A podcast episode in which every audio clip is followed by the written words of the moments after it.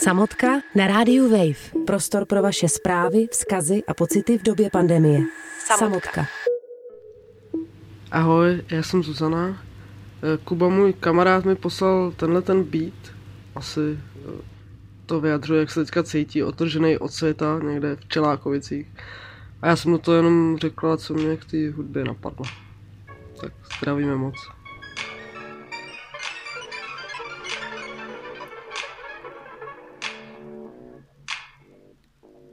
Zakrytá ústa, zakrytý nosy, šok očích při zprávách, jak smrtka si kosí kdo si.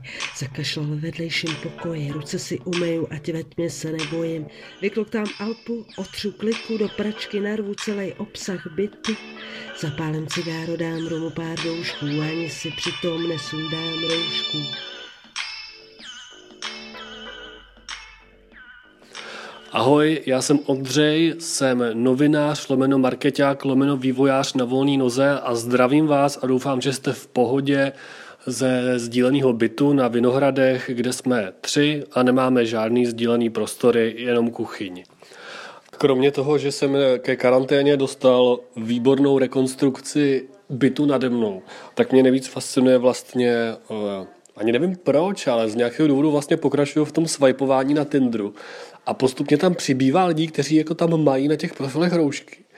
A vlastně já jako občas se u toho zastavím a říkám si, proč swipeuju, jakože ty zavření budeme doma ještě třeba minimálně prostě půl měsíce, možná víc a je to zvláštní, jakože lidi jakoby pořád, a já taky tím pádem se snažíme jako tvářit, že se teda chceme seznámit, ale vlastně jako nemáme, kromě toho, že si zavoláme někde na, nevím, na Facebooku nebo na nějaké službě jako jiný, jinou možnost taky na rande. Ještě jsem žádný online rande neměl, ani uh, žádný online pozvání domů, ale jako je to fascinující pro mě, jak uh, jako i já, i ostatní evidentně jako máme potřebu udržovat ten dojem tý jako normálního fungování třeba prostřednictvím toho Tinderu.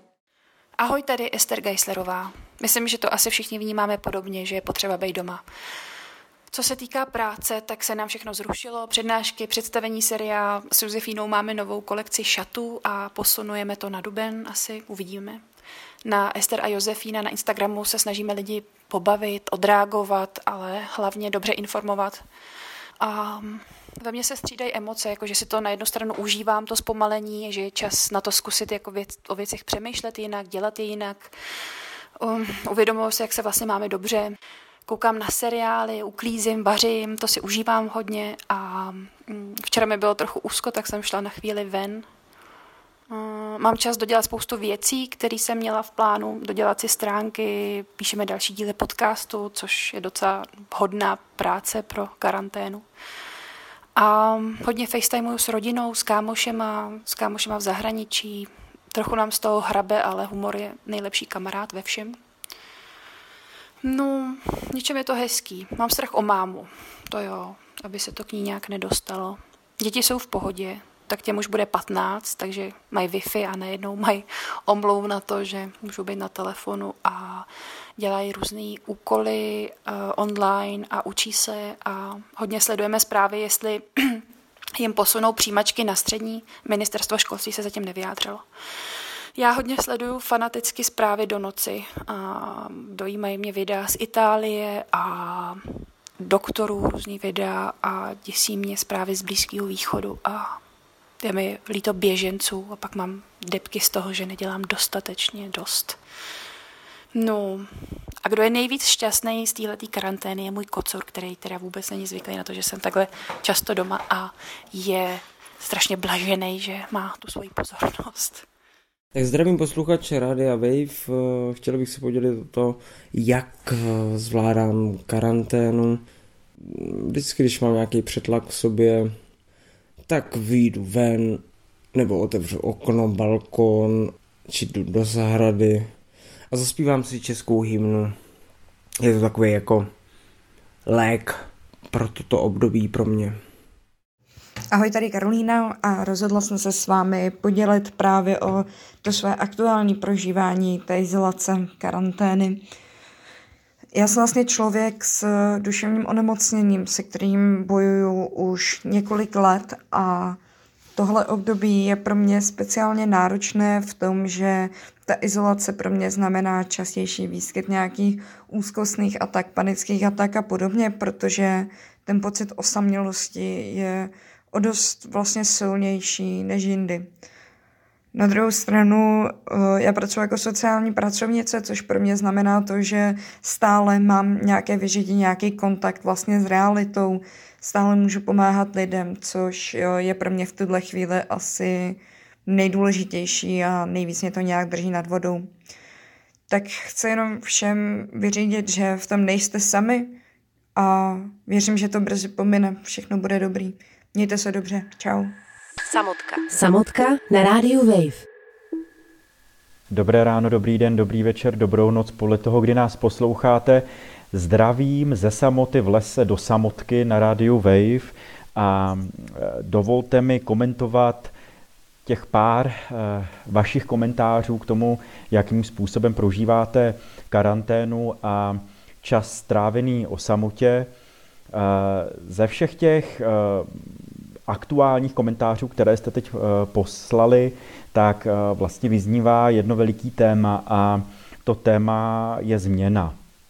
Jo, to, co říkala Esther Geislerová, eh, tak je vlastně velmi eh, signifikantní v tom, co se, teď, co se teď ve světě děje, protože my všichni v té samotce si uvědomujeme, že eh, minimálně alespoň nějakou dobu ten svět, který potkáme na ulici až z těch bytů a domů, vylezeme zpátky, protože karanténa skončí, tak minimálně nějakou dobu ten svět bude opravdu jiný.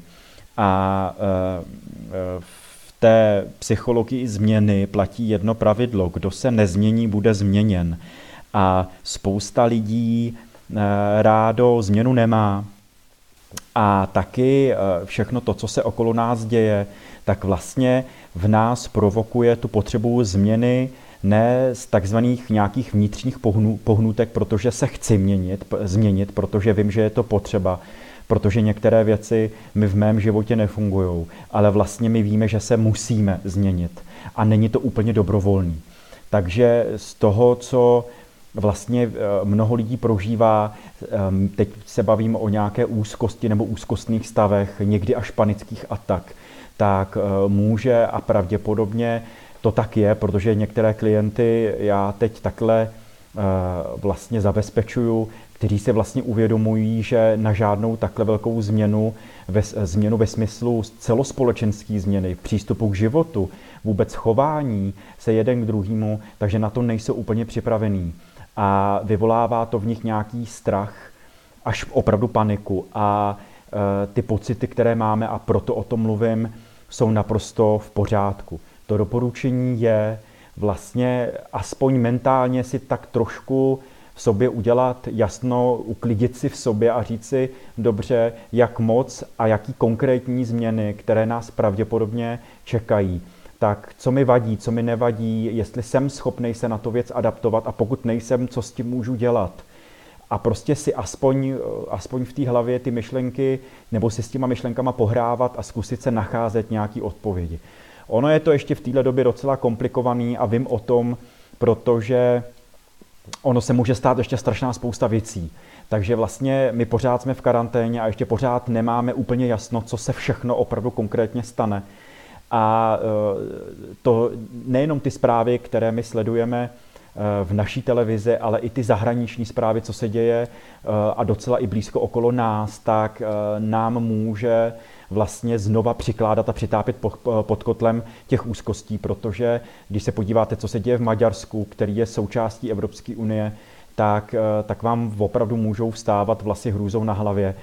A to nejsme v Indii, a to nejsme v Turecku, a to nejsme v Blízkém východě a tak dále. Tam ty věci můžou být, nebo v Africe, a tak tam to může být opravdu ještě daleko horší. A, takže to doporučení je ty emoce, prosím, eh, zkuste pozorovat, být v takovém eh, mentálním módu, kterému se říká nezaujatý pozorovatel. Jo, to, že nějaký emoce strachu mám, je, je samozřejmě v pořádku.